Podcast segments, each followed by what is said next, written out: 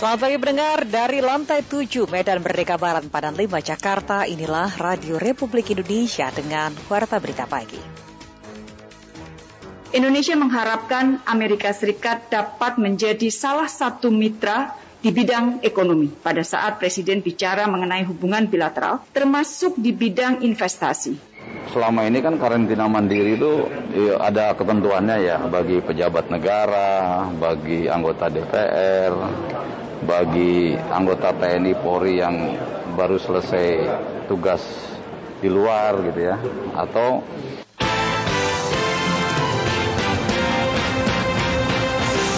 Sari Berita, Presiden Joko Widodo menerima kunjungan kehormatan Menteri Luar Negeri Amerika Serikat Anthony Blinken.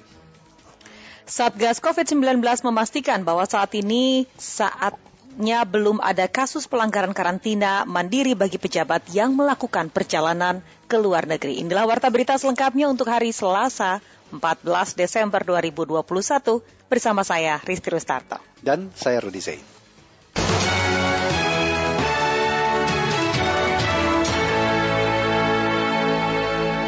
Mengawali warta berita pagi ini kami sampaikan sekilas berita.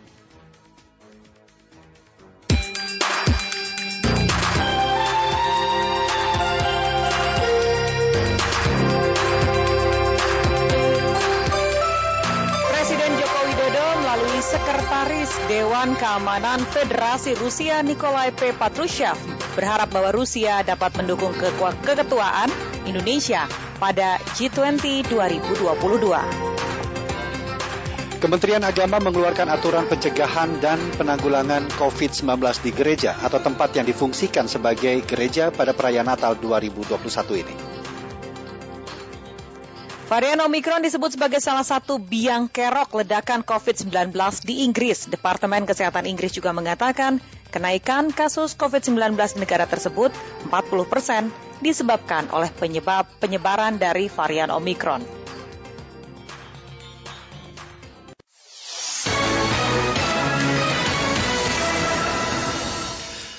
Pendengar Senin 13 Desember, Presiden Joko Widodo menerima kunjungan kehormatan Menteri Luar Negeri Amerika Serikat Anthony Blinken dan Sekretaris Dewan Keamanan Rusia Nikolai Petrushev di Istana Merdeka Jakarta. Pada setiap pertemuan, Presiden menyampaikan berbagai prioritas Indonesia di dalam ketentuan G20 dan ketentuan di ASEAN pada 2023. Berikut laporan Retno Mansari. Senin malam Presiden Joko Widodo menerima kunjungan kehormatan Menteri Luar Negeri Amerika Serikat Anthony Blinken dan Sekretaris Dewan Keamanan Rusia Nikolai Patrushev di Istana Merdeka Jakarta Pusat. Meski pertemuan terpisah, namun Presiden menjadikan prioritas keketuaan G20 Indonesia dan keketuaan di ASEAN pada 2023 sebagai fokus di dalam pertemuan dengan kedua perwakilan negara sahabat Indonesia itu. Dalam keterangan pers yang digelar usai pertemuan, Menteri Luar Negeri Retno Marsudi menyebut Presiden Jokowi menjelaskan prioritas G20 selama keketuaan Indonesia serta mengharapkan dukungan Amerika Serikat khususnya sebagai mitra di bidang ekonomi.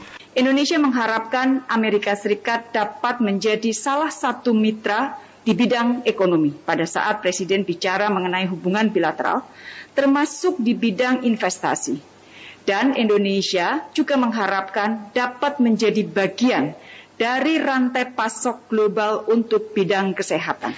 Pada pertemuan dengan Sekretaris Dewan Keamanan Federasi Rusia, Nikolai Patrushev, Presiden Jokowi memaparkan berbagai prioritas Indonesia di dalam keketuaannya di G20, termasuk Presiden Jokowi secara khusus mengharapkan adanya dukungan Rusia pada keketuaan Indonesia di ASEAN pada 2023. Selain itu, Presiden juga menyampaikan bahwa di tahun 2023, Indonesia juga akan memegang keketuaan ASEAN dan mengharapkan kerjasama dengan Rusia selama keketuaan Indonesia di ASEAN. Sebelumnya dalam diskusi terbatas dengan media pada akhir November lalu di Jakarta, Asisten Menteri Luar Negeri Amerika Serikat untuk urusan Asia Timur dan Pasifik, Daniel J. Crittenbrink, menyebut Amerika Serikat akan terus bekerja sama dengan kekuatan militer negara-negara ASEAN di sektor keamanan dan kerjasama militer. Amerika Serikat telah lama dan akan terus berada dalam kekuatan Indo-Pasifik. Tentu saja pasukan penempatan kami di kawasan dan kunjungan pasukan untuk beroperasi secara rutin di seluruh kawasan. Dan yang paling penting, bekerja sama dengan banyak militer negara anggota ASEAN, termasuk tentu saja di sini, di Indonesia. Pada kunjungan kehormatan Menteri Luar Negeri Amerika Serikat dimanfaatkan Presiden Jokowi untuk memberikan apresiasi atas dukungan yang diberikan Amerika selama pandemi. Sedangkan Sekretaris Dewan Keamanan Rusia, Nikolai Patrushev, dijadwalkan akan menggelar pertemuan dengan Menteri Koordinator Hukum, Politik, dan Keamanan, Mahfud MD, Selasa 14 Desember. Salah satu agendanya adalah penandatanganan nota kesepahaman bidang keamanan informasi internasional. Di akhir keterangan pers, Menteri Luar Negeri Retno Marsudi menekankan Indonesia terus mengembangkan strategic trust dengan semua negara sebagai mitra. Selain merupakan mitra penting Indonesia, Amerika Serikat dan Rusia merupakan mitra wicara ASEAN. Dari Jakarta, Retno Mandasari Pro 3 RRI. Ya, pendengar sepanjang tahun 2021, Kementerian Kelautan dan Perikanan telah menangkap 167 kapal ilegal fishing yang beroperasi di wilayah perairan Indonesia. Seperti apa informasinya? Safira Amalia melaporkan. Kementerian Kelautan dan Perikanan KKP menindak pelaku illegal fishing dan destructive fishing serta berbagai pelanggaran di bidang kelautan dan perikanan. Hal itu ditunjukkan dengan penangkapan 167 kapal pelaku illegal fishing, 96 pelaku destructive fishing, dan penanganan berbagai kasus di bidang pemanfaatan laut selama tahun 2021. Direktur Jenderal Pengawasan Sumber Daya Kelautan dan Perikanan PSDKP KKP, Laksda TNI Adi Nurawaludin mengatakan satu penangkapan kapal ikan asing asal Malaysia bahkan baru saja terjadi di WPP 571 Selat Melaka dan sedang dalam proses ad hoc ke Pangkalan PSDKP Batam. Khusus untuk tahun 2021, capaian di Jen PSDKP khususnya terkait masalah pemberantasan illegal fishing, kita berhasil melakukan penangkapan dan pemberkasan untuk kapal ikan Indonesia maupun kapal asing itu kurang lebih 167 kapal dengan perincian kapal ikan Indonesia 114 kapal dan kapal ikan kapal ikan asing 52 kapal. Rincian Indonesia 114 kapal, kemudian Malaysia 21 kapal, Vietnam 25, Filipina 6 kapal. Lebih lanjut Adin menambahkan untuk mencakup patroli dari Sabang hingga Merauke, pihaknya dihadapkan dengan keterbatasan armada kapal. Meski demikian, pihaknya tetap mengendalikan 30 kapal armada dari total 70 kapal yang sebenarnya dibutuhkan. Secara grand design, kita membutuhkan kurang lebih 70 kapal sementara kita hanya memiliki 30 kapal pengawas perikanan. Ini tentunya tantangan tersendiri, namun demikian di sinilah peran daripada Direktur Pengawasan Operasi Armada, Panglima Perang saya, dalam mengamankan wilayah perikanan, mengendalikan kapal pengawas perikanan, divalidasi oleh Airborne Surveillance, sehingga bisa mengefektifkan operasi dan juga melihat dari urgensitas kawasan, dihadapkan dengan potensi yang ada. Sementara itu Direktur Pemantauan dan Operasi Armada Pung Nugroho Saksono mengatakan, penangkapan kapal-kapal ilegal illegal fishing itu mayoritas karena alasan perizinan dan penggunaan alat tangkap troll yang jelas dilarang karena dapat merusak ekosistem dasar laut. Kan masih penangkapan troll itu Pak, penggunaan troll. Kan tadi ada 53 yang kapal asing, ya kapal asing. Yang kapal lokal itu sisanya. Kalau yang asing tidak berizin. Oh izinnya lebih ke izin ya Pak? Iya, rata-rata gitu. Kesalahannya lebih situ ya Pak? Lebih ke sana, karena itu yang menjadi fatal kalau izin izin, Pak. Selain kasus illegal fishing dan destructive fishing, selama tahun 2021, KKP juga menangani sejumlah kasus pelanggaran di bidang kelautan, di antaranya terkait dengan pemanfaatan pulau-pulau kecil, penanganan pencemaran perairan, serta penyelesaian sengketa kapal kandas yang merusak terumbu karang di berbagai daerah. Dari Jakarta, Safira Malia, Pro 3, RRI. Guna mempercepat pembangunan infrastruktur telekomunikasi di seluruh wilayah Indonesia, Kementerian Komunikasi dan Informatika menggandeng para pemerintah daerah dalam perjanjian kerjasama pinjam pakai lahan untuk membangun tower BTS. Kita simak laporan Fitra Maria berikut ini. Nah artinya ini merupakan pencapaian yang selama ini mungkin belum pernah kita lakukan Bapak Ibu sebelumnya dan ini membuktikan komitmen yang Badan Aksesibilitas Telekomunikasi dan Informasi Bakti Kementerian Kominfo resmi melakukan perjanjian pinjam pakai lahan untuk membangun infrastruktur telekomunikasi berupa unit tower BTS atau Base Transceiver Station. Perjanjian itu disaksikan oleh para bupati dan perwakilan bupati dari 14 kabupaten yang hadir dalam penandatanganan nota kesepahaman MOU Senin 13 Desember 2021. Direktur Utama Bakti Kominfo, Anang Latif, mengatakan sepanjang tahun 2020 pihaknya sudah menyelesaikan sekitar 1.200 lebih tower BTS untuk layanan 4G, termasuk di wilayah 3T. Kami dimandatkan untuk menutup kesenjangan digital di 9113, di mana di tahun 2020 ini kami sudah menyelesaikan 1.200 lebih ya untuk layanan 4G. Skema pinjam pakai lahan telah berhasil membangun 1.682 BTS pada periode 4 tahun sebelumnya. Sementara 4.200 BTS lainnya masih diproses hingga saat ini.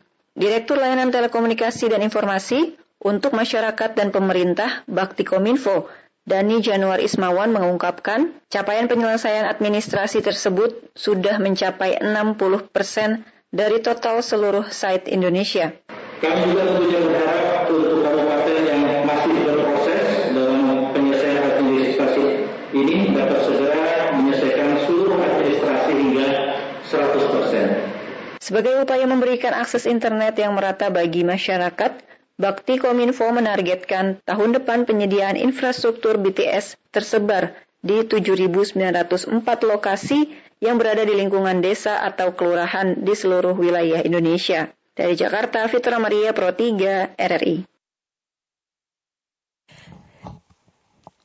Badan Penanggulangan Bencana Daerah atau BPBD Kabupaten Klaten terus melakukan pemantauan fasilitas penanganan bencana seperti tempat pengungsian atau yang biasa disebutkan shelter. Tapi kesiapan petugas bahaya khususnya bahaya Gunung Merapi ini juga yang menjadi sorotan utama. Adam Susanto melaporkan selengkapnya. Beberapa waktu ini kan cukup aktif Merapi mengeluarkan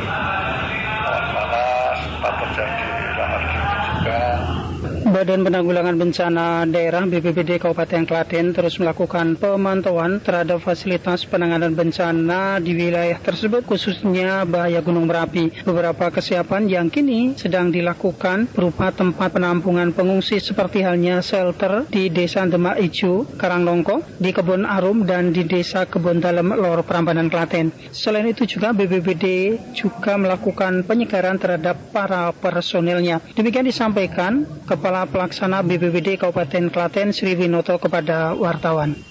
Dan cek cek itu memang menjadi salah satu bagian untuk siap usahakan kita melihat kondisinya sejauh mana, kemudian kesiapan petugasnya bagaimana itu kita lakukan. Dirinya ingin merefresh kembali manajemen barak yang dulunya sudah ada pemetaan terhadap kerawanan bencana, jalur evakuasi, SDM, dan juga warga terdampak juga dilakukan kembali oleh SAR daerah Kabupaten Klaten. Sedangkan untuk evakuasi sementara, TS Balirante kini masih tetap disiagakan. Demikian perangkat desa Balirante Ceinu kepada RRI. TS Balirante masih seperti kemarin tahun 2020 saat tempat di pengungsi itu jadi masih terawat, kita bersihkan, jadi suatu saat digunakan sudah siap. Sementara Koordinator Pasang Merapi, Sukiman, sebelumnya mengungkapkan pihaknya terus melakukan kesiapsiagaan, pemetaan kondisi lapangan seperti jalur evakuasi, proses evakuasi, potensi ternak, kendaraan, dan potensi relawan juga sudah dilakukan. Kondisi jalur evakuasi yang ada di wilayah tersebut memang dalam kondisi cukup rusak akan menjadi persoalan sendiri yang hingga kini belum ada solusinya. Pemerintah mengimbau kepada seluruh masyarakat untuk tidak bepergian ke luar negeri mengingat penularan COVID-19 varian Omikron melonjak sangat drastis. Pradipta Rahadi melaporkan untuk Anda. Organisasi Kesehatan Dunia WHO menyebutkan penyebarluasan COVID-19 varian Omikron di luar negeri sudah masuk dalam range berbahaya. Hal ini tidak luput dari perhatian pemerintah Indonesia. Untuk itu Menteri Luar Negeri Retno Marsudi dalam keterangan pers usai hadir dalam rapat terbatas evaluasi PPKM yang dipimpin oleh Presiden Joko Widodo atas nama pemerintah mengimbau kepada seluruh masyarakat untuk tidak bepergian ke luar negeri mengingat penularan COVID-19 varian Omikron melonjak sangat drastis. Pemerintah meminta dengan sangat, menghimbau dengan sangat bagi warga negara Indonesia yang tidak memiliki kepentingan yang sangat mendesak untuk tidak melakukan perjalanan ke luar negeri. Saya ingin ulangi tadi sudah disampaikan oleh Pak Menkomar bahwa pemerintah meminta dengan sangat, menghimbau dengan sangat bagi WNI yang tidak memiliki kepentingan yang sangat mendesak untuk tidak melakukan perjalanan ke luar negeri. Adapun Menteri Koordinator Bidang Maritim dan Investasi Luhut Binsar Panjaitan menjelaskan bahwa pihaknya sudah menginformasikan kepada seluruh instansi terkait termasuk sektor pariwisata dan perhotelan untuk segera membuka pintu bagi wisatawan domestik sehingga masyarakat lebih memilih untuk berlibur di dalam negeri. Bagaimana di Inggris sekarang Omikron uh, meloncat begitu cepat. Jadi jangan kita gagah-gagahan libur dalam negeri, bantulah ekonomi dalam negeri kita. Menteri Kesehatan Budi Gunadi Sadikin menjelaskan bahwa faktor terpenting untuk mencegah Omikron masuk ke Indonesia adalah dengan mengetatkan pintu-pintu masuk ke Indonesia dari luar negeri. Kita tetap hati-hati sesuai dengan arahan Pak Meko. Hati-hati dan waspada. Pemerintah pun memperpanjang penerapan PPKM hingga 3 Januari 2022. Setidaknya ada 10 kabupaten kota di Jawa Bali yang masuk dalam level 3 dari 128 daerah. Terdapat 13 kabupaten kota yang masuk dalam level 1 PPKM.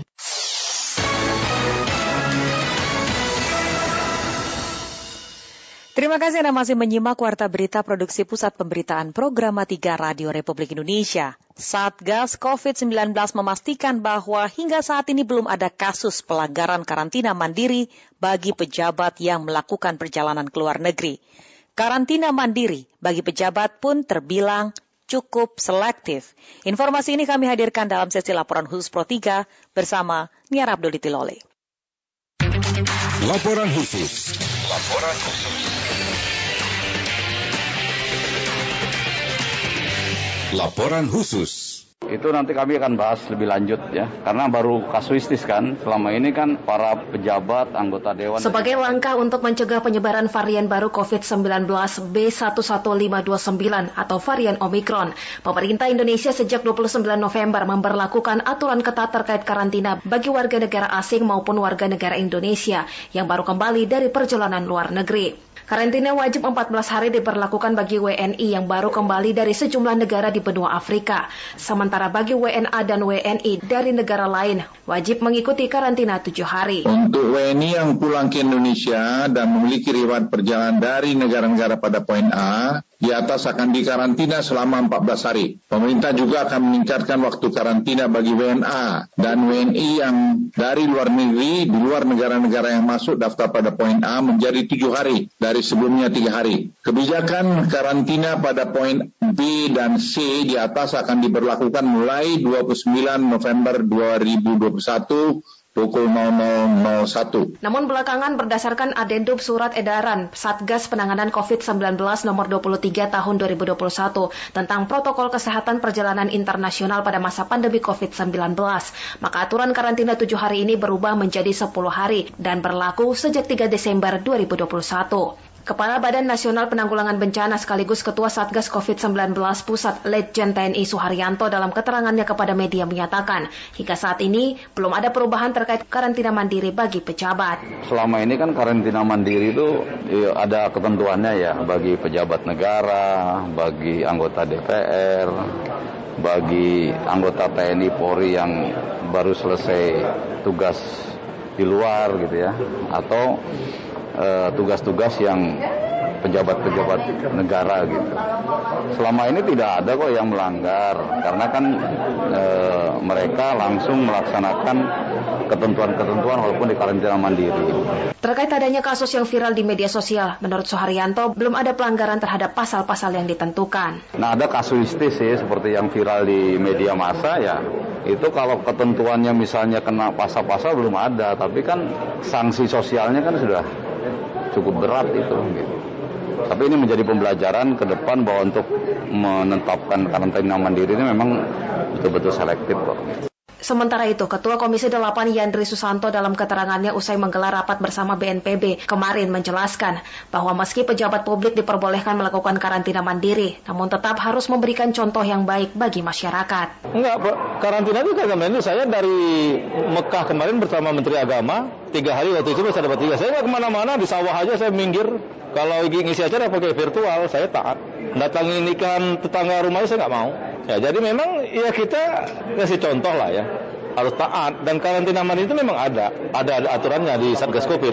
Enggak enggak secara khusus pejabat pejabat juga atau orang khusus yang di luar pejabat negara juga ada itu tapi itu memang kepentingannya ada itu, untuk mempermudah mungkin tugas-tugas mereka itu. kayak saya kan walaupun saya karantina mandiri masih bisa misi acara masih bisa koordinasi bisa dan lain sebagainya itu Anggota DPR RI Mulan Jamila sebelumnya diketahui melakukan perjalanan ke luar negeri bersama keluarganya. Namun tidak lama berselang melalui postingannya di media sosial diketahui Mulan telah berada di salah satu pusat perbelanjaan di Jakarta, di mana waktunya terhitung kurang dari 10 hari karantina mandiri. Dari Jakarta, Nira Abdul Loli, Pro 3 RRI.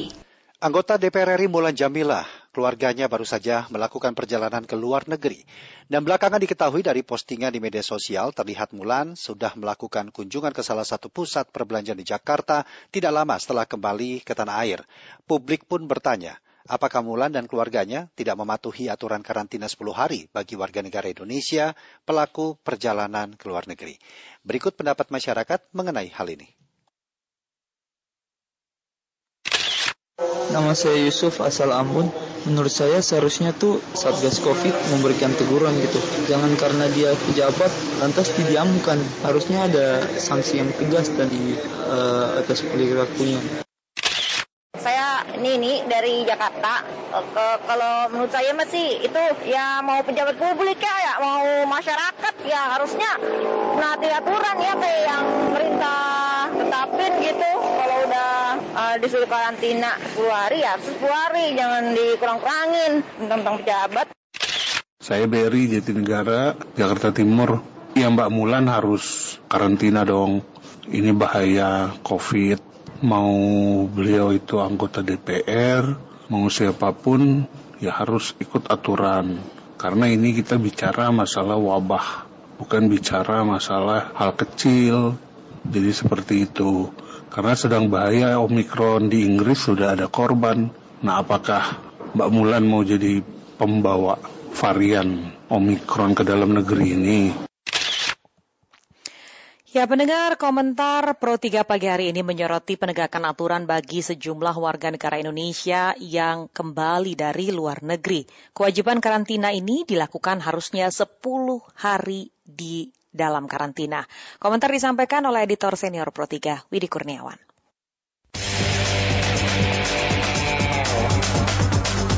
Editorial Pro 3 Selamat pagi pendengar. Di tengah kondisi pandemi yang belum stabil di berbagai belahan dunia termasuk Indonesia, harusnya semua pihak tidak boleh main-main dengan penyebaran COVID-19. Apalagi saat ini sedang menyebar jenis Omikron. Varian Omikron yang pertama kali ditemukan di Afrika tersebut dalam catatan Badan Kesehatan Dunia WHO telah menyebar di 50 negara, di antaranya termasuk Turki. Ada enam kasus pertama varian baru Omikron COVID-19 ditemukan di Turki, kata Menteri Kesehatan Turki Fahrettin Koca. Lima kasus terjadi di kota Barat Izmir dan satu kasus terjadi di Istanbul. Ini sesungguhnya perlu menjadi kewaspadaan bagi Indonesia, khususnya bagi WNI yang kembali dari luar negeri. Tidak boleh main-main dengan aturan karantina. Kasus Rahel V-nya setidaknya mengindikasikan ada orang dari luar negeri yang coba mengelabui aturan karantina wajib 10 hari. Menko Maritim dan Investasi Luhut Binsar Panjaitan yang juga koordinator PPKM Jawa Bali kemarin menegaskan karantina 10 hari adalah wajib bagi yang baru kembali dari luar negeri. Ia kembali menegaskan tidak boleh main-main dengan aturan ini karena dapat mencemari penanganan COVID-19 di tanah air. Pesan tegas ini harusnya ditindaklanjuti oleh seluruh instansi yang mengawal pintu masuk dari luar negeri, yakni pintu bandar udara, pelabuhan laut, maupun perbatasan darat. Kita semua sudah merasakan bagaimana beratnya hidup dengan kondisi pandemi level 3 dan 4. Karena itu, pesan tegas Menko Maritim dan Investasi Luhut Binsar Panjaitan ini harus dipatuhi. Tidak ada pilihan lain demi negeri ini tidak tercemar varian baru COVID-19 yang makin meluas. Demikian komentar, selamat pagi.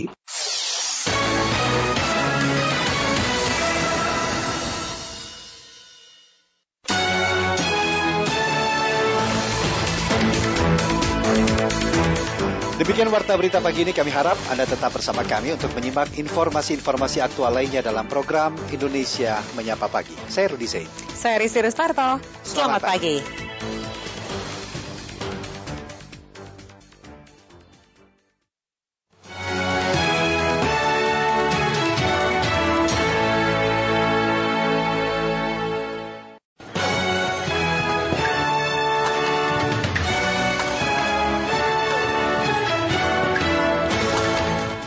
Dari Medan Merdeka Barat 45 Jakarta, Radio Republik Indonesia menyampaikan warta berita. Kepada masyarakat yang di daerah rawan-rawan seperti itu, misalnya di daerah pesisir, mengenai informasi-informasi yang berasal dari BMKG itu kita teruskan melalui berbagai macam media kebutuhan akan vaksinasi ini untuk anak-anak usia 6 sampai 11 tahun kira-kira 26,7 juta anak. Jadi kalau dua kali vaksinasi berarti sekitar 58 juta dosis.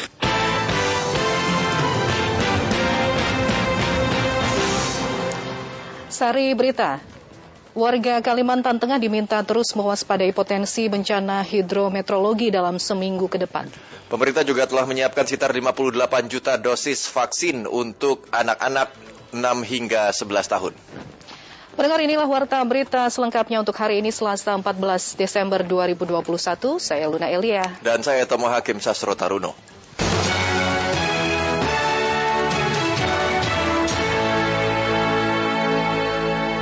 Untuk mengawali warta berita siang ini kami hadirkan sekilas berita utama.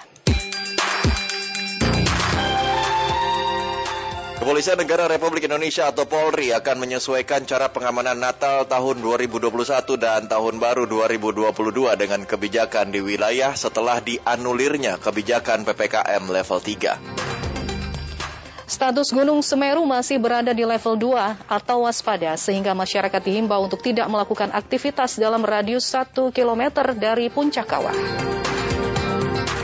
Sementara itu pemberlakuan pembatasan kegiatan masyarakat atau PPKM wilayah Jawa Bali diperpanjang selama tiga pekan ke depan atau hingga 3 Januari 2022.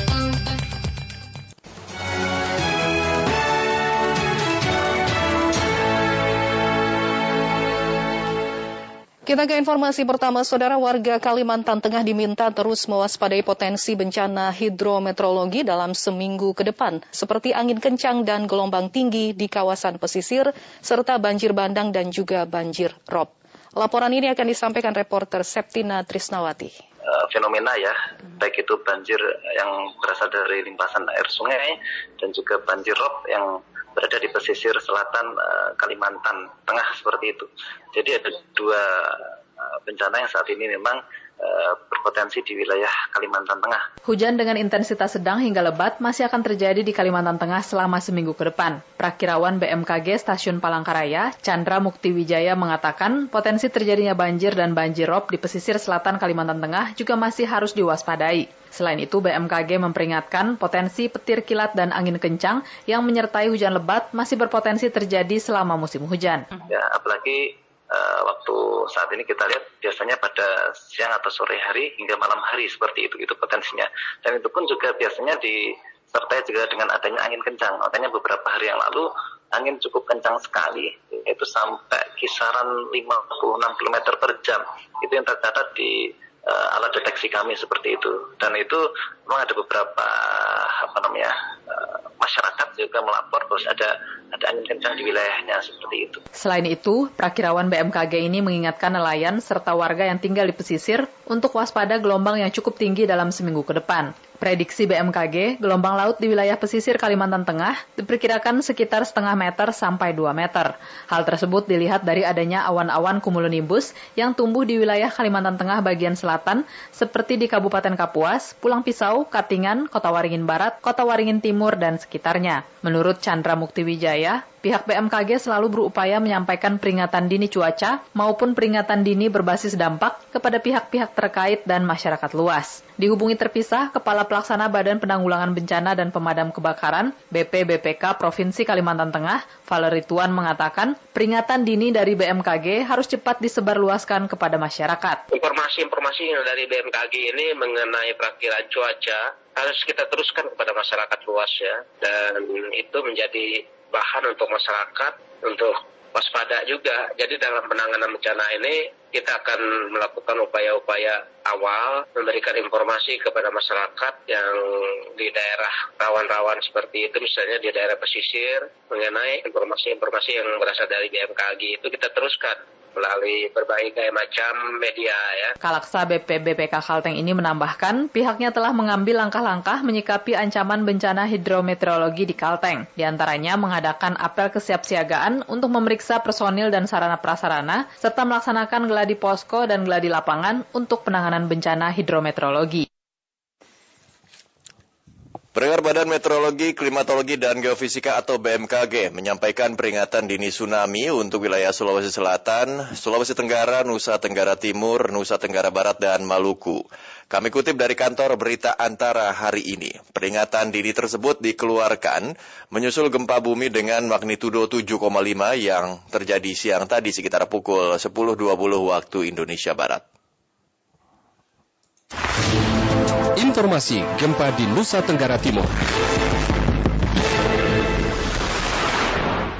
Ya, pendengar untuk mengetahui kondisi terkini di ND pasca gempa bumi tersebut, kami sudah tersambung dengan reporter RRI ND, Lady Badin. Lady, silakan informasi Anda seperti apa kondisi saat ini di sana? Iya, pendengar saat ini ya, di situasi di ND setelah pasca gempa bumi yang terjadi pada pukul 11 lebih 20 menit waktu Indonesia Tengah kita uh, siang tadi pendengar bahwa uh, dari BMKG sendiri telah menyatakan bahwa gempa terjadi uh, 112 km barat laut Larantuka dengan kedalaman 12 meter. Dari Kepala Stasiun Geologi Kupang Margiono yang sempat diwawancarai RRI ND mengungkapkan bahwa gempa bumi ini dirasakan oleh warga di Pulau Flores dan sekitarnya. Arjono juga mengungkapkan bahwa gempa bumi tersebut berpotensi memicu tsunami yang bisa melanda sejumlah wilayah di NTT maupun di Kepulauan Maluku, Nusa Tenggara Barat, Sulawesi Selatan, dan Sulawesi Utara. Margiono meminta warga di wilayah yang berpotensi terdampak ini agar meningkatkan kewaspadaan atau berpindah ke tempat yang lebih aman untuk menghindari ancaman tsunami. Dan uh, Mariono juga meminta pemerintah provinsi serta kabupaten yang pada status awas agar segera mengarahkan masyarakat untuk melakukan evakuasi menyeluruh. Dan saat ini situasi di Kabupaten Ende sendiri uh, setelah kejadian gempa 7,4 skala Richter ini masyarakat sudah kembali ke rumah masing-masing dan sudah melakukan aktivitasnya kembali seperti biasa karena uh, berdasarkan press release dari BMKG bahwa uh, peringatan tsunami telah berakhir dan masyarakat kembali tenang namun tetap dalam keadaan waspada takut terjadi gempa susulan. Demikian laporan dari ND kembali ke studio.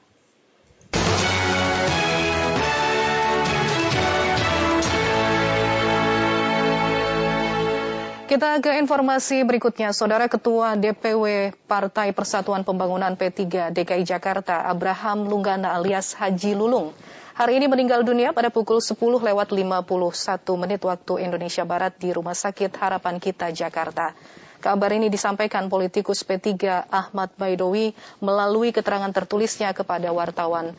Almarhum sebelumnya memang tengah menjalani perawatan selama lebih dari dua minggu karena terkena serangan jantung.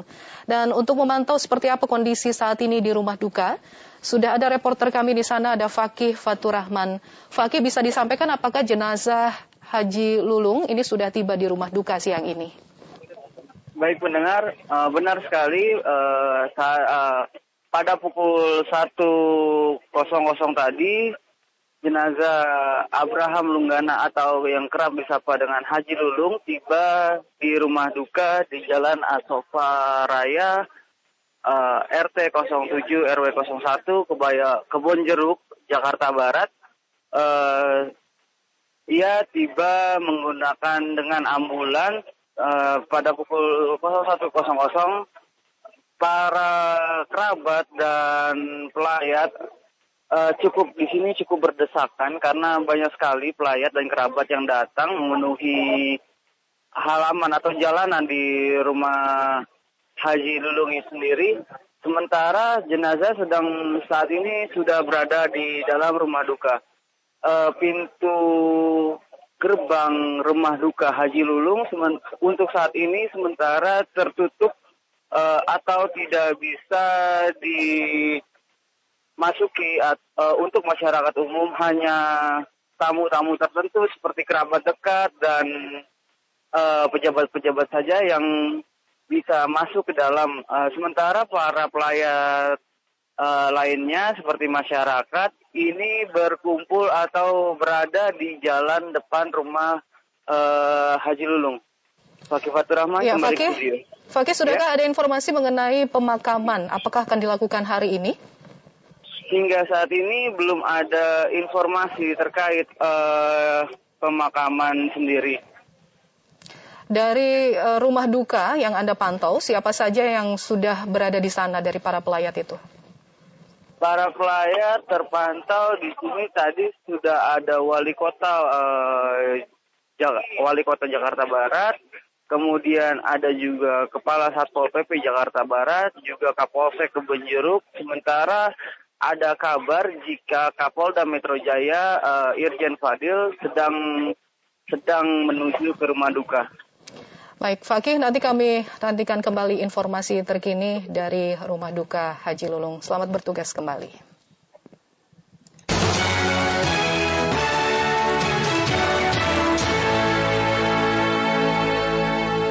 Terima kasih pendengar Anda masih bersama kami dalam Warta Berita Produksi Radio Republik Indonesia. Pemerintah sudah menyiapkan sekitar 58 juta dosis vaksin untuk penyuntikan dosis lengkap vaksinasi anak-anak. Hal itu disampaikan Wakil Menteri Kesehatan Dante Saksono Harbuono saat kick-off vaksinasi anak usia 6 hingga 11 tahun di SD Negeri Cempaka Putih Timur 03, Jakarta hari ini. Berikut informasinya disampaikan oleh Rini Hairani. Maka vaksin yang digunakan adalah vaksin Sinovac. Pemerintah mulai melakukan vaksinasi pada anak usia 6 hingga 11 tahun hari ini, Selasa 14 Desember 2021. Salah satunya seperti vaksinasi yang dilakukan di SD Negeri Cempaka Putih Timur 03, Cempaka Putih, Jakarta Pusat. Pada kesempatan tersebut, Gubernur DKI Jakarta Anies Baswedan mendorong orang tua agar mengajak anak yang berusia 6 hingga 11 tahun untuk mengikuti vaksinasi COVID-19.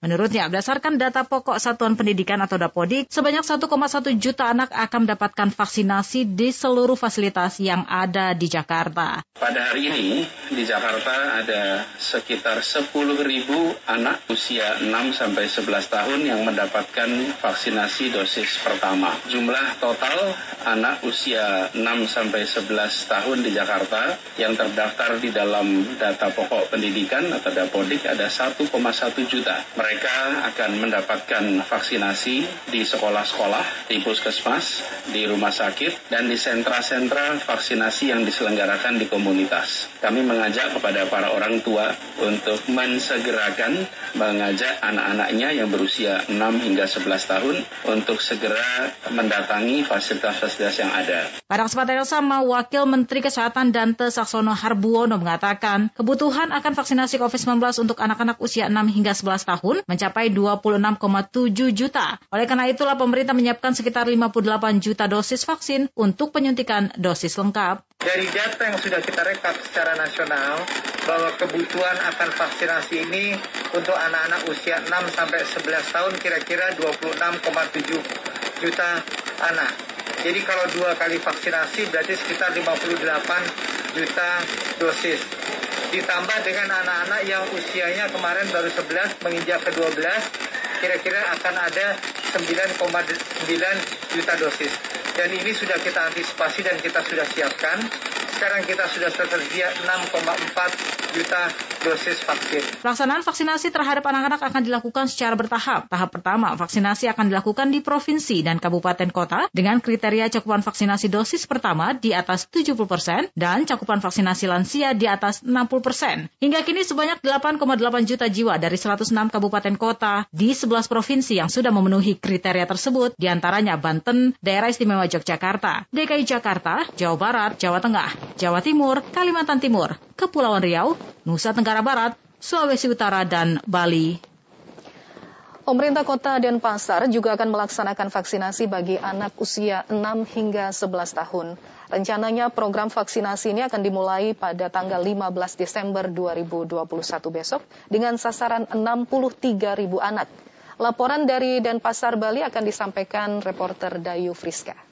Nanti kan kita akan secara kick off mulai tanggal 15. Target sasarannya itu sekitar eh, 60 3.000 Pemerintah orang. Kota Denpasar akan menggelar vaksinasi bagi anak usia 6 hingga 11 tahun mulai 15 Desember besok dengan jumlah target sasaran mencapai 63.000 orang. Anak-anak tersebut nantinya akan diberikan vaksin jenis Sinovac sebanyak dua kali injeksi dengan rentang waktu 28 hari antara injeksi pertama dengan injeksi kedua. Hal itu diungkapkan juru bicara Satgas Penanganan COVID-19 Kota Denpasar Dewa Gederai ketika dikonfirmasi RRI terkait pelaksanaan vaksinasi di Denpasar. Mekanisme vaksinasi vaksinasi anak di Denpasar akan dilaksanakan berbasis sekolah bekerja sama dengan puskesmas setempat. Pemberian vaksinasi kan tentu didalui dengan SOP dan screening yang dilakukan terhadap calon penerima vaksinasi ini mulai dari kesehatan, tensi, termasuk juga kondisi suhu tubuh dan sebagainya akan dilakukan oleh tim medis yang bertugas melakukan vaksinasi. Sementara itu PLT Kepala Dinas Pendidikan Pemuda dan Olahraga Kota Denpasar, Igusti Ngurah Edi Mulya mengatakan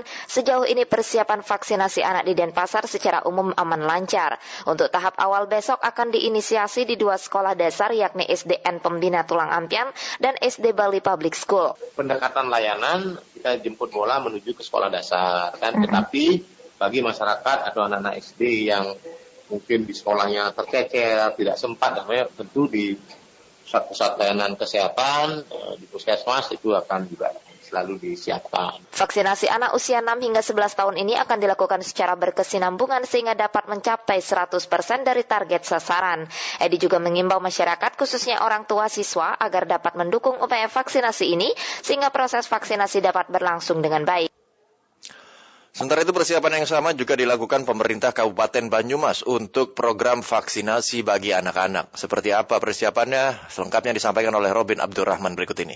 Untuk anak tuh ada vaksinnya itu paling uh, sampai sebulan selesai. Pemerintah Kabupaten Banyumas saat ini sedang mempersiapkan vaksin untuk anak-anak usia 6 hingga 11 tahun. Bupati Banyumas Ahmad Hussein hari ini menjelaskan pihaknya menyiapkan 60 ribu dosis vaksin Sinovac yang akan digunakan untuk melaksanakan vaksinasi anak-anak dengan sasaran anak yang divaksin sekitar 60 ribu orang. Setiap anak akan mendapatkan setengah dosis vaksin pada usia dewasa, sehingga stok vaksin sebanyak 60 ribu ini juga bisa digunakan untuk vaksinasi kalangan umur lainnya, terutama lansia. Lanjut Hussein, secara teknis nantinya vaksinator akan mendatangi sekolah dasar atau pondok pesantren yang terdapat anak dengan usia 6 hingga 11 tahun. Namun demikian hingga saat ini Pemkab Banyumas masih menunggu petunjuk teknis dari pemerintah pusat untuk pelaksanaan vaksinasi anak-anak. Ini vaksinnya ada, ada. Sudah diperbolehkan tadi. Terus ya udah dikerjain. Belum ada yang dari SOP Kementerian Kesehatan ya sudah nunggu. Itu vaksinnya apa Pak? Sama Sinovac. Sementara itu Kabit Pengendalian dan Pemberantasan Penyakit P2P Dinas Kesehatan Dinkes Kabupaten Banyumas Arif Sugiono mengatakan pihaknya terus mengejar capaian vaksinasi terutama bagi kalangan lansia. Capaian vaksinasi lansia hingga berita ini dibuat di Banyumas baru pada kisaran 67,98 persen ada sejumlah kendala yang dihadapi Dinkes Banyumas menurut Arif saat melaksanakan vaksinasi COVID-19 bagi lansia. Di antaranya, mereka baru saja terjangkit COVID-19, kemudian ada ketakutan dari keluarga jika dilaksanakan vaksinasi, maka ada efek samping. Padahal kelompok ini merupakan kelompok rentan, sehingga upaya sosialisasi terus dilakukan oleh Dinkes Banyumas agar lansia yang ada semuanya dapat divaksin. Bukan menolak ya, karena khawatir, karena khawatir kondisi orang tua yang sakit dan lain-lain. Sudah sudah memenuhi target, target pemerintah 60% untuk level 1, kita sudah memenuhi angka 60% tersebut. Secara umum, untuk capaian vaksinasi COVID-19 di Kabupaten Banyumas, dosis pertama sebanyak 75 persen, dosis kedua sebanyak 52 persen. Pertama, secara umum itu sudah di angka 75 persen,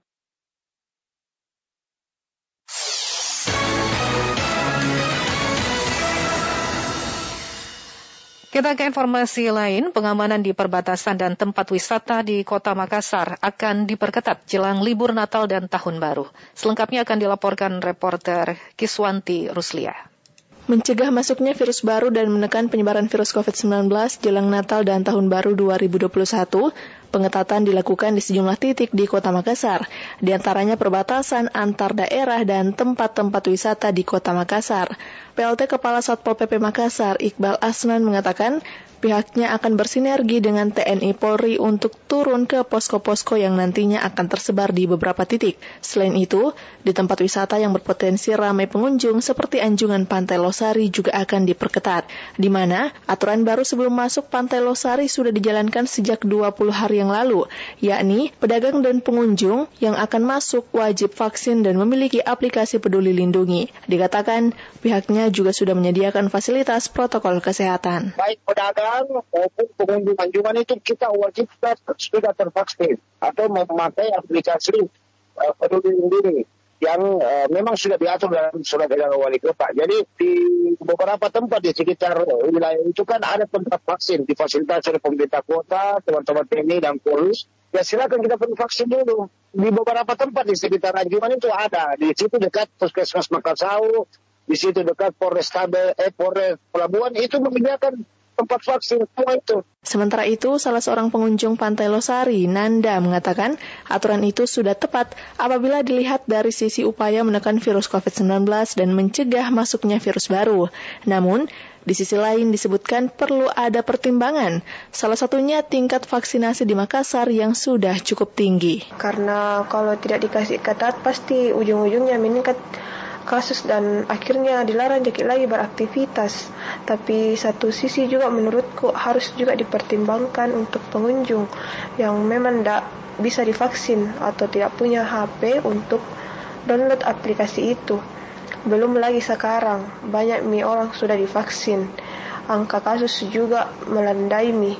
Jadi perlu memang dipertimbangkan semuanya. Ia berharap mobilitas pergerakan masyarakat dapat kembali normal, tentunya dengan penerapan protokol kesehatan yang ketat.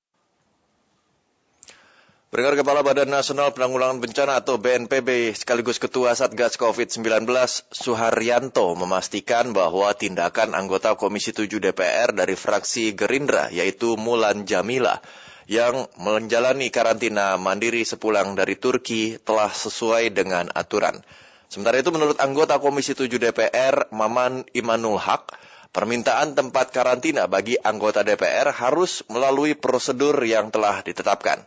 Selengkapnya disampaikan oleh Rudi Zain. Anggota Komisi 8 DPR RI dari fraksi Gerindra Mulan Jamila menjalani karantina mandiri sepulang dari Turki. Kepala BNPB sekaligus Ketua Satgas COVID-19, Suharyanto memastikan bahwa tindakan Mulan Jamila dan keluarga telah sesuai dengan aturan yang berlaku. Dalam rapat kerja BNPB dengan Komisi 8 DPR RI pada Senin kemarin, Suharyanto mengatakan bahwa memang terdapat pengecualian khususnya bagi para pejabat negara, termasuk anggota DPR. Salah satunya yaitu boleh menjalani masa karantina mandiri di kediaman pribadi sesuai dengan waktu karantina yang telah ditentukan. Anggota Komisi 8 DPR RI Kiai Haji Maman Imanul Haq dalam Dialog Indonesia Menyapa Pagi mengatakan, bagi anggota DPR RI, permintaan tempat karantina harus melalui prosedur yang telah ditetapkan. Menurutnya, DPR telah memiliki beberapa tempat karantina yang telah disediakan bagi anggotanya. Iya, sebenarnya dia menentukan itu dengan tempat yang sudah ditentukan juga oleh DPR RI-nya. Misalnya, kalau DPR RI biasanya kita mintanya di Kopo, lalu ada hotel yang dekat dengan apa kediamannya, tapi itu memang harus betul-betul sesuai dengan prosedural juga. Jadi tidak dengan semena-mena menunjuk tempatnya gitu. Itu yang penting. Sementara itu, Koordinator Kekarantinaan Kesehatan Kementerian Kesehatan, Dr. Imran Pambudi mengatakan bahwa aturan karantina bagi warga negara asing ataupun warga negara Indonesia telah diatur.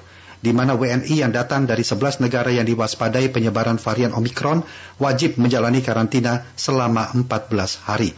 Dan bagi warga negara Indonesia yang tiba dari luar negeri di luar 11 negara yang diwaspadai, wajib menjalani karantina selama 10 hari.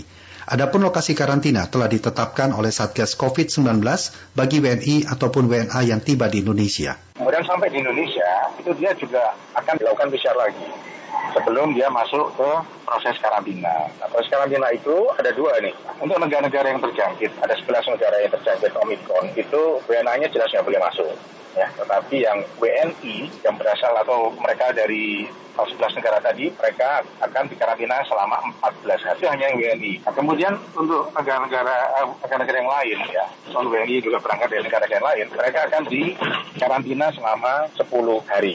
Sebelumnya Satuan Tugas atau Satgas Penanganan COVID-19 telah mengeluarkan aturan terbaru mengenai masa karantina bagi pelaku perjalanan internasional sebagai bentuk antisipasi terkait penemuan varian corona baru yaitu Omikron.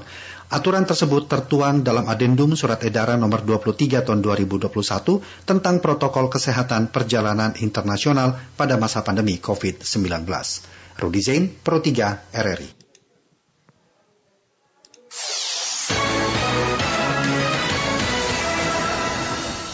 Kita beralih ke berita olahraga. Komite Olimpiade Indonesia atau KOI serta Persatuan Angkat Besi, Angkat Berat dan Binaraga Seluruh Indonesia atau PAPSI akan mengawal isu ditiadakannya pertandingan cabang olahraga angkat besi pada Olimpiade Los Angeles tahun 2028 mendatang.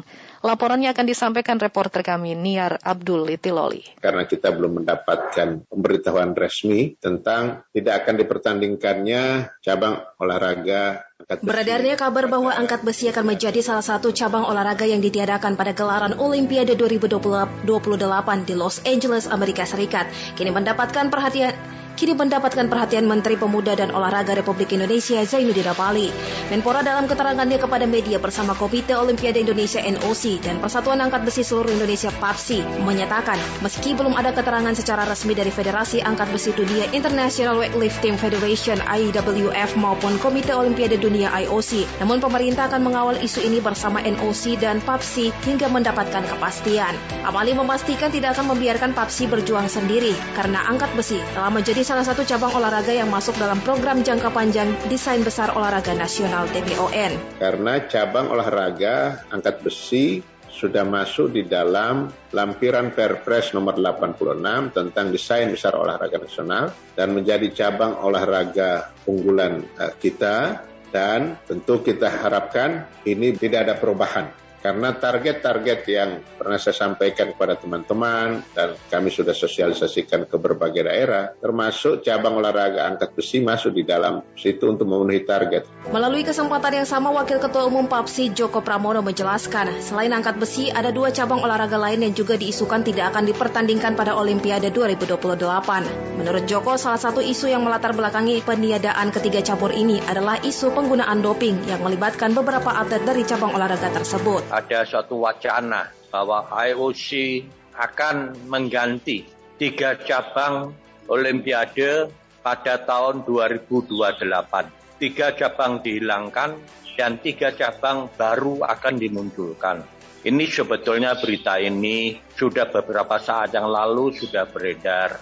Tetapi dari pihak IOC sendiri masih berpikir-pikir dan melihat perkembangan. Latar belakangnya adalah satu, bahwa dianggap tiga cabang ini rawan terhadap doping. Beberapa hari terakhir beredar wacana bahwa tiga cabang olahraga yakni angkat besi, tinju, dan modern pentathlon akan diganti pada gelaran Olimpiade Los Angeles 2028.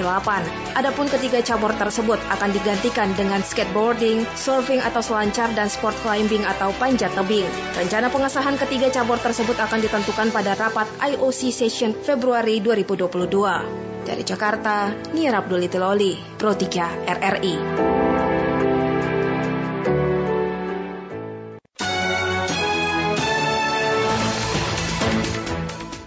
Pendengar demikian Warta Berita Pro 3 Radio Republik Indonesia. Kami harap Anda tetap bersama kami untuk mengikuti berbagai informasi aktual lain dalam Indonesia Menyapa Siang.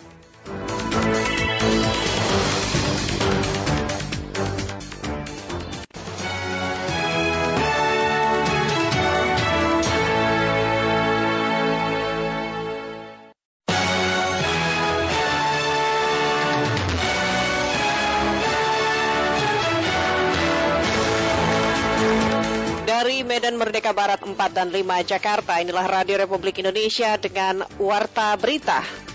Kesiapan masalah kita untuk menghadapinya mitigasi saya kira cukup dilakukan oleh pemerintah dan LSM selama ini sudah terlatih soal jalur-jalur evakuasi dan lain sebagainya. Pemerintah masih konsentrasi untuk menenangkan warga dari kepanikan didampingi oleh Kementerian Pertanian yang kita harapkan nanti produktivitasnya bisa meningkat dan juga yang paling penting juga disiapkan optiker yang membeli dari bawang merah yang telah kita tanam tadi.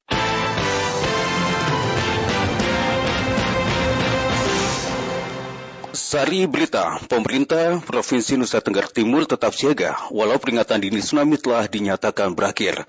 Kementerian Pertanian diminta menyiapkan penjamin penyalur untuk produksi bawang merah.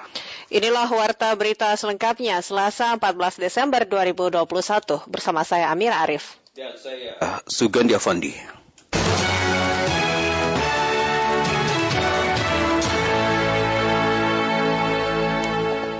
Mengawali warta berita malam ini, kami sampaikan sekelas berita utama.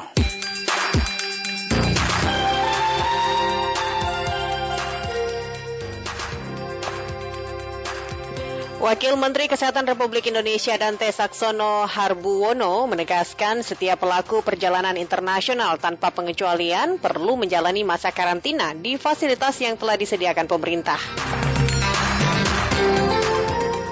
Tim Badan Nasional Penanggulangan Bencana atau BNPB melakukan pengecekan dan pendataan dampak kerusakan akibat gempa Larantuka bermagnitudo 7,4 siang tadi.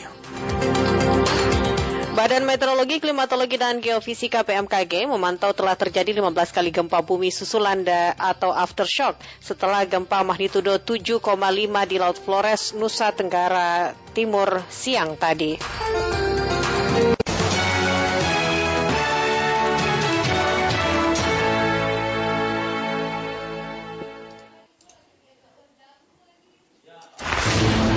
Informasi gempa di Nusa Tenggara Timur. Pemerintah Provinsi Nusa Tenggara Timur tetap siaga walaupun peringatan dini tsunami akibat gempa bermagnitudo 7,4 telah dinyatakan berakhir. Berikut laporan Reliant Poik. Betul pas saya lagi makan tuh di meja, itu sampai piring gelas saya itu bergetar itu sampai bunyi.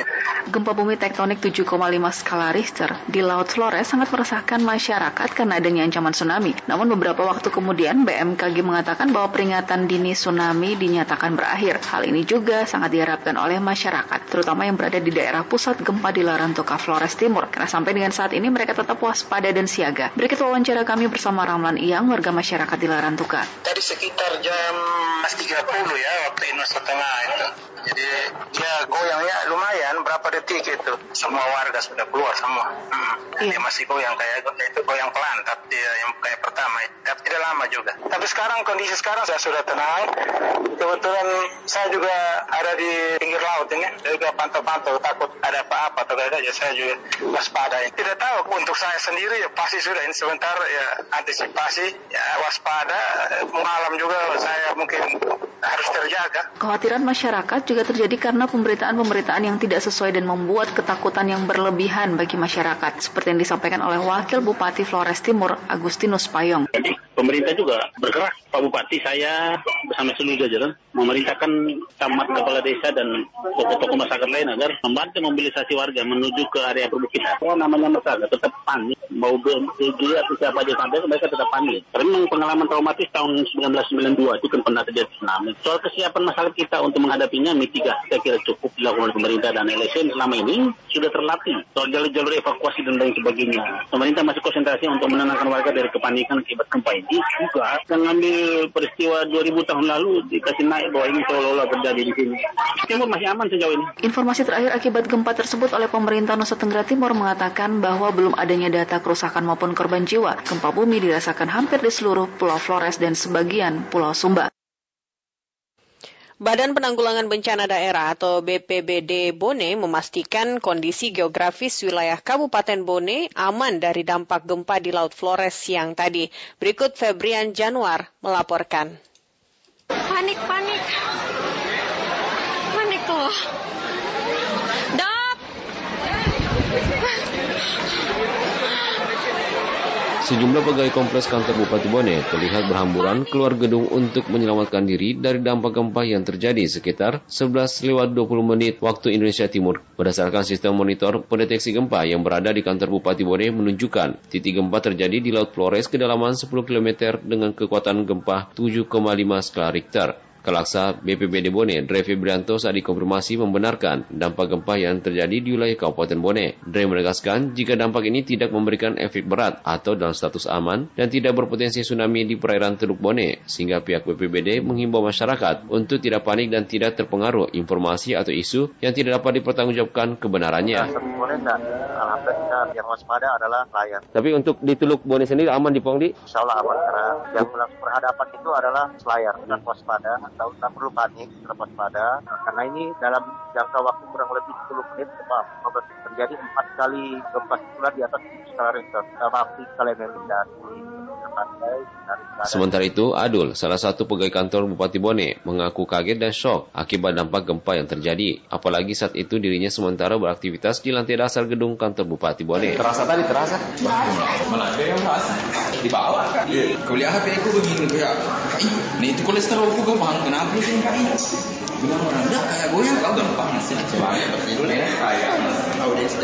Badan Meteorologi, Klimatologi, dan Geofisika mencatat gempa bumi yang terjadi merupakan jenis gempa bumi dangkal akibat adanya aktivitas sesar aktif di Laut Flores atau mekanisme pergerakan geser.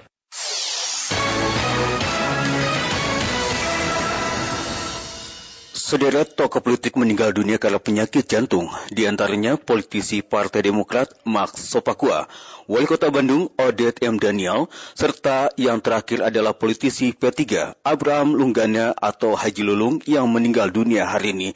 Lalu apakah tokoh politik rawan terserang penyakit jantung? Informasi ini kami hadirkan dalam sesi laporan khusus Pro 3 disampaikan Safira Malia. Laporan khusus. Laporan khusus. Laporan khusus.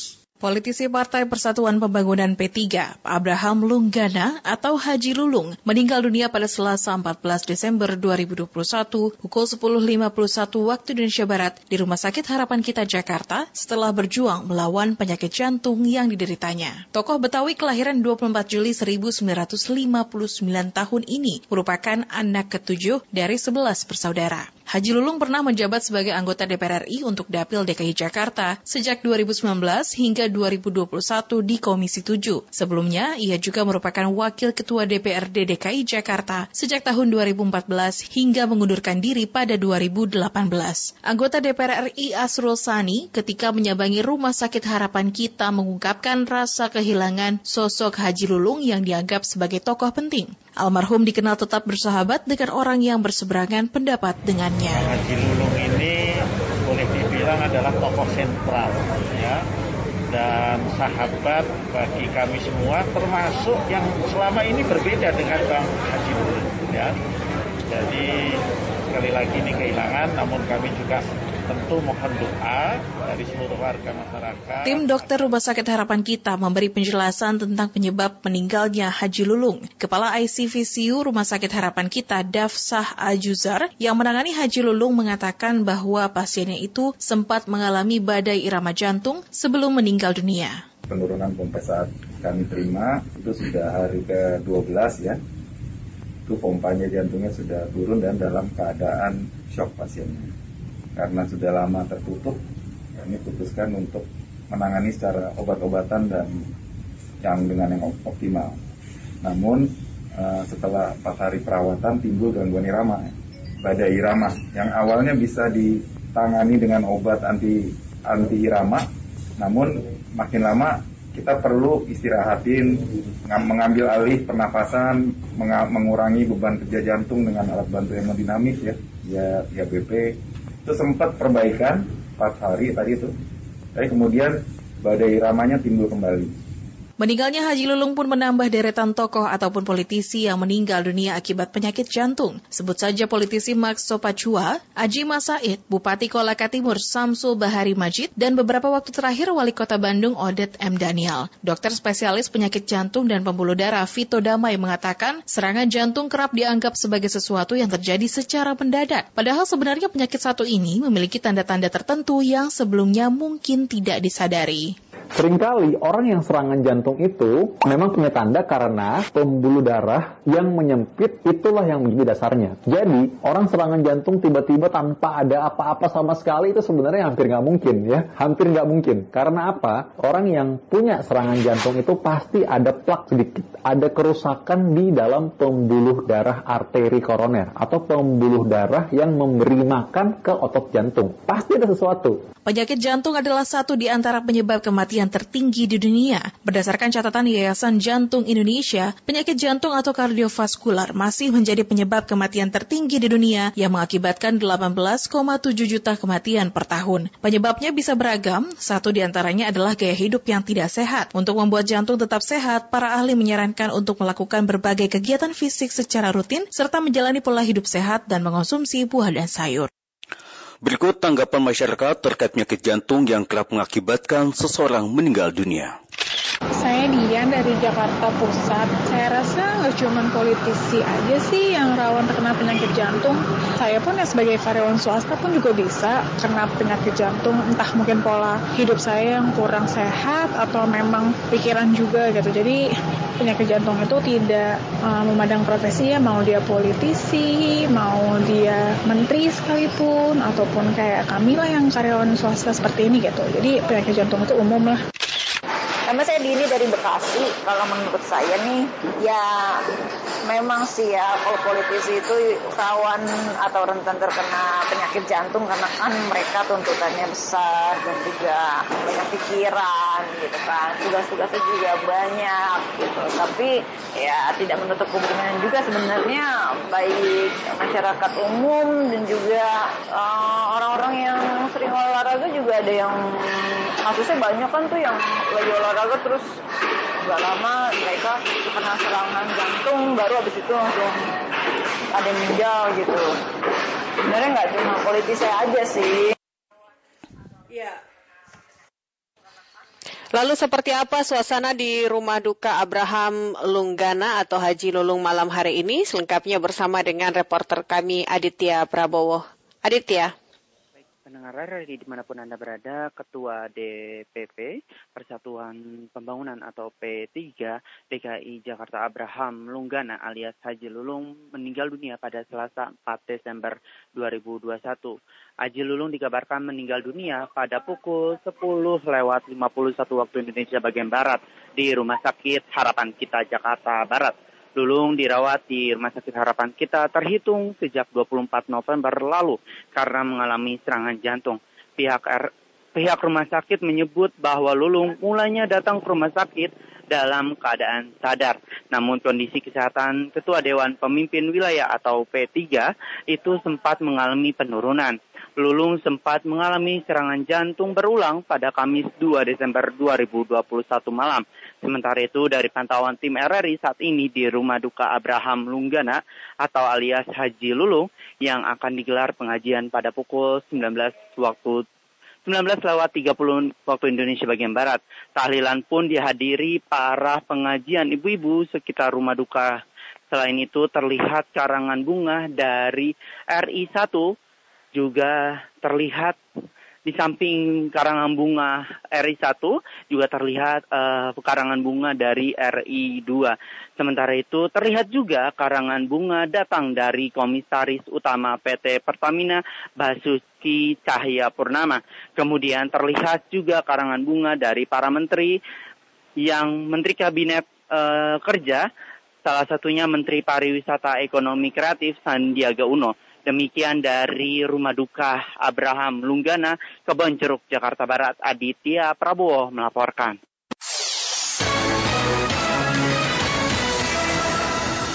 Terima kasih Anda masih mendengarkan Warta Berita Radio Republik Indonesia. Presiden Joko Widodo menginstruksikan Kementerian Pertanian untuk menyiapkan penjamin penyalur untuk produksi bawang merah agar petani mendapatkan kepastian harga dan permintaan. Berikut Pradipta Rahadi melaporkan. Assalamualaikum warahmatullahi wabarakatuh. Presiden Joko Widodo melakukan kunjungan kerja ke Temanggung, Jawa Tengah pada hari ini untuk meninjau langsung food estate atau lumbung pangan yang disiapkan oleh pemerintah. Di Temanggung terdapat lahan seluas 339 hektar yang ditanami bawang merah oleh para petani bawang. Dalam kesempatan tersebut, Kepala Negara menginstruksikan Kementerian Pertanian untuk menyiapkan penjamin penyalur atau off-taker atau pembelian untuk produksi bawang merah agar petani bawang mendapat kepastian kepastian harga dan juga jumlah permintaan. Kita dampingi, didampingi oleh Kementerian Pertanian yang kita harapkan nanti produktivitasnya bisa meningkat dan juga yang paling penting juga disiapkan optiker yang membeli dari bawang merah yang telah kita tanam tadi. Selain itu, Kepala Negara berpesan harga bawang merah harus selalu dipantau oleh Kementerian Pertanian agar tidak dipermainkan oleh para tengkulak yang berakibat pada kerugian pada petani bawang sehingga kepastian harga, kepastian yang membeli itu ada. Dan harga yang ada tidak dipermainkan oleh para tengkulak. Untuk diketahui, harga jual bawang merah yang baru dipanen di tingkat petani sudah sebulan terakhir berkisar Rp7.000 hingga Rp8.000 per kilogram. Padahal sebelumnya di kisaran Rp12.000 per kilogram. Hal ini sangat dikeluhkan oleh para petani di wilayah Kabupaten Kendal, seperti yang diliput oleh Faiz Rossi dari RRI Semarang berikut ini. Sekarang ini hasilnya cukup baik, tapi harganya sangat anjlok. Kalau seperti ini, paling-paling per kilo 8.000 sampai 9.000. Kepala Desa Kedung Gading, Budiono, sebelumnya meminta kepada pemerintah untuk dapat mengoptimalkan kembali penggunaan kartu tani karena masih sering terjadi petani yang menemui kendala untuk mendapatkan pupuk bersubsidi karena kuota pada kartu tani masih kosong. Dengan adanya optimalisasi kartu tani, maka para petani dapat kembali mendapatkan haknya untuk memperoleh pupuk bersubsidi sehingga dapat meringankan beban produksi. Tahun 2022 akan menjadi tahun optimisme bagi perekonomian Indonesia, meskipun masih ada tantangan global yang masih harus diwaspadai. Pemulihan ekonomi nasional juga diperkirakan akan berlanjut, didukung stabilitas situasi keamanan dan politik dalam negeri. Laporan selengkapnya disampaikan Mahdalena Krisnawati. Pemulihan ekonomi harus bisa dirasakan pada level konkret. Indonesia menargetkan pertumbuhan ekonomi di kisaran 5,2 hingga 5,5 persen di tahun 2022. 2022. Untuk mencapai target tersebut, pemerintah akan mengkombinasikan kebijakan fiskal, moneter, dan reformasi struktural, serta menjaga keseimbangan sisi supply dan demand agar tidak terjadi lonjakan inflasi seperti yang dialami sejumlah negara maju yang sudah mulai pulih perekonomiannya. Menteri Keuangan Sri Mulyani Indrawati menyampaikan hal tersebut dalam Economic Briefing 2022 hari ini. Menurutnya, pemulihan ekonomi akan berlanjut di tahun depan. Diharapkan mengurangi tingkat pengangguran dan kemiskinan di Indonesia. Pemulihan ekonomi harus bisa dirasakan pada level konkret dalam bentuk penciptaan kesempatan kerja baru. Penyerapan tenaga kerja mengalami kenaikan sekitar 2,6 juta orang selama periode pemulihan ekonomi ini dan pertumbuhan angkatan kerja yang naik sebesar 1,4 persen tetap dijaga untuk bisa diwadahi dengan pemulihan ekonomi. Dari sisi kemiskinan juga sama. Penurunannya belum terlalu dalam. Oleh karena itu, Presiden dan Kabinet sekarang memberikan perhatian khusus untuk kabupaten-kabupaten dan daerah yang memiliki kantong kemiskinan absolut. Pemulihan sejumlah sektor seperti perdagangan dan industri manufaktur menjadi penopang pertumbuhan ekonomi Indonesia di tahun depan. Sektor-sektor lainnya juga akan didorong untuk pulih seperti sektor transportasi, akomodasi, restoran, dan perhotelan. Harapan akan pulihnya sektor-sektor tersebut didukung oleh kepemimpinan Indonesia di G20 tahun depan. Menko Perekonomian Airlangga Hartarto mengatakan, presidensi Indonesia di G20 akan memberikan manfaat ekonomi bagi Indonesia. Tentu dari segi ekonomi akan meningkatkan konsumsi sebesar 1,7 menambah PDB 7,4 triliun, melibatkan UMKM seperti kemarin dalam pertemuan Sherpa dan G20, dengan mekanisme bubble yang dilakukan di Indonesia, Indonesia mendapatkan apresiasi karena lebih dari 500 delegasi seluruhnya kembali secara aman dan tidak ada yang terpapar COVID. Faktor penting lainnya agar pemulihan ekonomi terus berlanjut di tahun depan adalah situasi keamanan di dalam negeri. Menko Politik, Hukum dan Keamanan Mahfud MD memproyeksikan suhu politik di tahun 2022 kemungkinan akan sedikit memanas menjelang kontestasi pilkada maupun pilpres di tahun 2024. Namun ia meyakini stabilitas politik masih akan terjaga dan dapat mendukung pemulihan ekonomi nasional. Walaupun diperkirakan tidak akan ada gejolak, namun sejumlah kontestan pilkada maupun pilpres dan pileg tahun 2024 pasti akan sudah mempersiapkan diri sehingga tahun 2022 bisa dilihat dan diantisipasi sebagai tahun ajang pemanasan. Suhu politik diperkirakan mungkin mungkin meningkat. Optimisme perekonomian akan tumbuh lebih baik di tahun depan tidak lepas dari semakin membaiknya situasi pandemi. Pada bulan Maret tahun depan, target vaksinasi 208 juta penduduk Indonesia diperkirakan akan tercapai guna mencapai kekebalan kelompok atau herd immunity. Selain itu, pengendalian pandemi seperti menerapkan protokol kesehatan, testing, tracing, dan treatment juga akan dilanjutkan. Beralih ke informasi lainnya, 10.000 anak kelompok usia 6 hingga 11 tahun di Jakarta hari ini menerima vaksin dosis pertama. Berikut kami hadirkan selengkapnya bersama Alfred Stuter. Kami di DKI Jakarta pagi hari ini menyambut Gubernur DKI Jakarta Anies Baswedan mengatakan ada sebanyak 10.000 anak yang terjadwal menerima vaksin dosis pertama pada hari dimulainya pelaksanaan vaksinasi anak kelompok usia 6 hingga 11 tahun. Hal itu diungkapkannya ketika meninjau langsung vaksinasi bersama Wakil Menteri Kesehatan Dante Saksono di SDN Cempaka Putih Timur 03 hari ini. Sementara lanjut Anies, total kini sudah ada sebanyak 1,1 juta anak di kelompok usia tersebut yang terdaftar sebagai calon penerima vaksin dalam data pokok pendidikan Dapo Kodik DKI Jakarta. Ia mengajak agar seluruh orang tua segera mendaftarkan anak-anaknya untuk mengikuti vaksinasi. Mereka akan mendapatkan vaksinasi di sekolah-sekolah, di puskesmas, di rumah sakit, dan di sentra-sentra vaksinasi yang diselenggarakan di komunitas. Kami mengajak kepada para orang tua untuk mensegerakan mengajak anak-anaknya yang berusia 6 hingga 11 tahun untuk segera mendatangi fasilitas-fasilitas yang ada.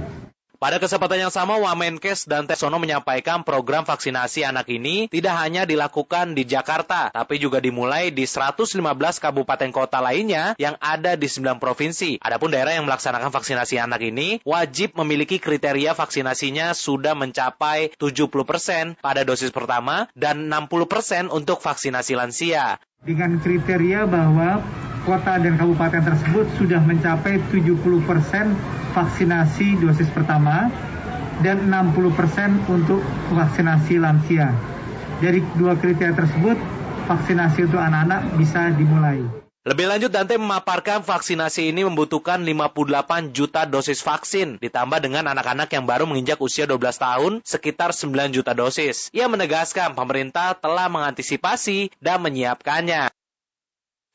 Anggota DPR RI periode 2014-2019 Muhtar Tompo menjadi korban mafia tanah yang berlangsung puluhan tahun di Makassar, Sulawesi Selatan. Seperti apa modusnya? Kami hadirkan informasinya untuk Anda.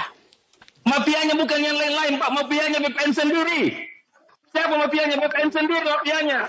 Praktek mafia tanah masih terus terjadi dengan korban tidak hanya dari kalangan masyarakat biasa namun juga dari kalangan artis, pejabat bahkan mantan anggota DPR RI adalah anggota DPR RI periode 2014-2019, Mukhtar Tompo.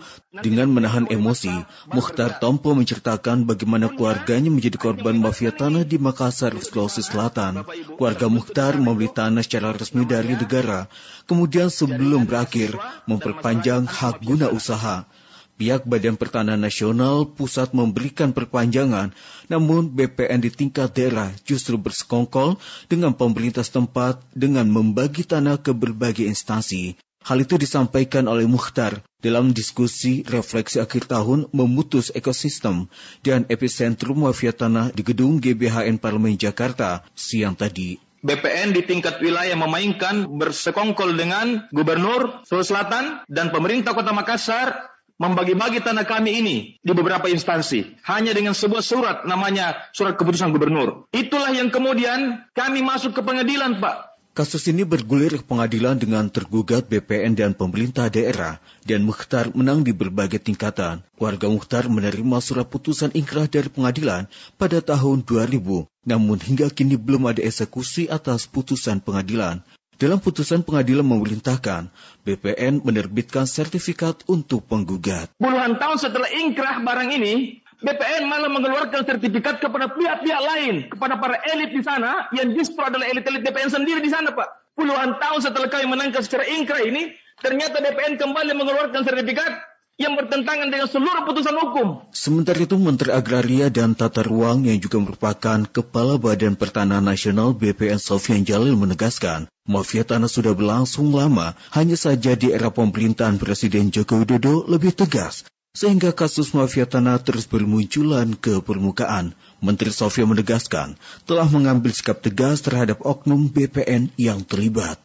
Kalau orang-orang BPN terlibat, kita hukum, Pak. Ada kanwil saya copot, kepala kantor, ada yang diberhentikan, ada yang dipecat, ada yang diturunkan pangkatnya, dan lain-lain. Itu adalah bagian dari tindakan administratif yang kami bisa lakukan. Sementara itu, pakar agraria dari Universitas Kristen Indonesia, Arce Tepiori, mendorong dibentuknya pengadilan ad hoc. Strategi yang dapat dilakukan adalah strategi hukum pidana dengan bagaimana merumuskan rancangan undang-undang khusus pemberantasan tindak pidana mafia tanah dan dibentuk peradilan ad hoc Salah satu cara agar tidak menjadi korban mafia tanah di antaranya adalah dengan mengurus sertifikat tanah sendiri dan mengolah tanah agar lebih produktif.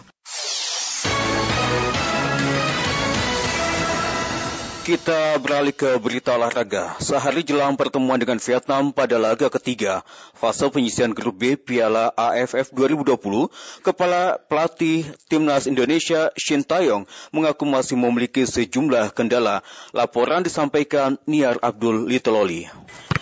Yeah, good. Go. Sehari jelang pertemuan dengan Vietnam pada laga ketiga fase penyisihan grup B Piala AFF 2020, tim nasional sepak bola Indonesia telah melakukan berbagai persiapan. Namun sesi persiapan ini, menurut pelatih kepala timnas Indonesia Sintayong, masih memiliki sejumlah kendala. Melalui keterangannya kepada media secara virtual siang ini, Sin berharap permasalahan yang dihadapi segera terselesaikan. Hanya saja Sin sendiri tidak menjabarkan dengan pasti permasalahan apa yang tengah dihadapi. Untuk pertandingan besok kami sangat uh, mempersiapkan dengan baik, tetapi ada beberapa hal yang terjadi tidak diinginkan oleh kami.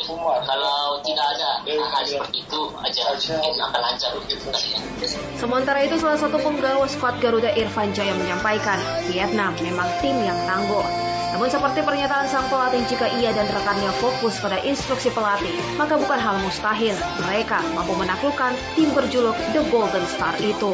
Ya seperti Coach Shin bilang juga kalau Vietnam memang tim yang bagus, tim yang kuat juga, tetapi yang Coach bilang e, kalau kita bermain dengan baik, ya pasti tidak ada yang tidak mungkin, pasti kita kita pasti bisa. Saat ini Indonesia menjadi pemuncak klasemen sementara grup B dengan 6 poin dari dua kali bertanding. Tempat kedua diduduki Vietnam dan diikuti Malaysia di posisi ketiga yang memiliki poin sama dengan Indonesia. Sementara peringkat keempat dihuni Kamboja dan Laos di dasar klasemen, di mana keduanya belum memiliki poin. Indonesia akan bersua Vietnam sebagai pertandingan ketiga bagi keduanya di grup B pada Rabu 15 Desember 2021 pukul 19.30 menit waktu Indonesia Barat.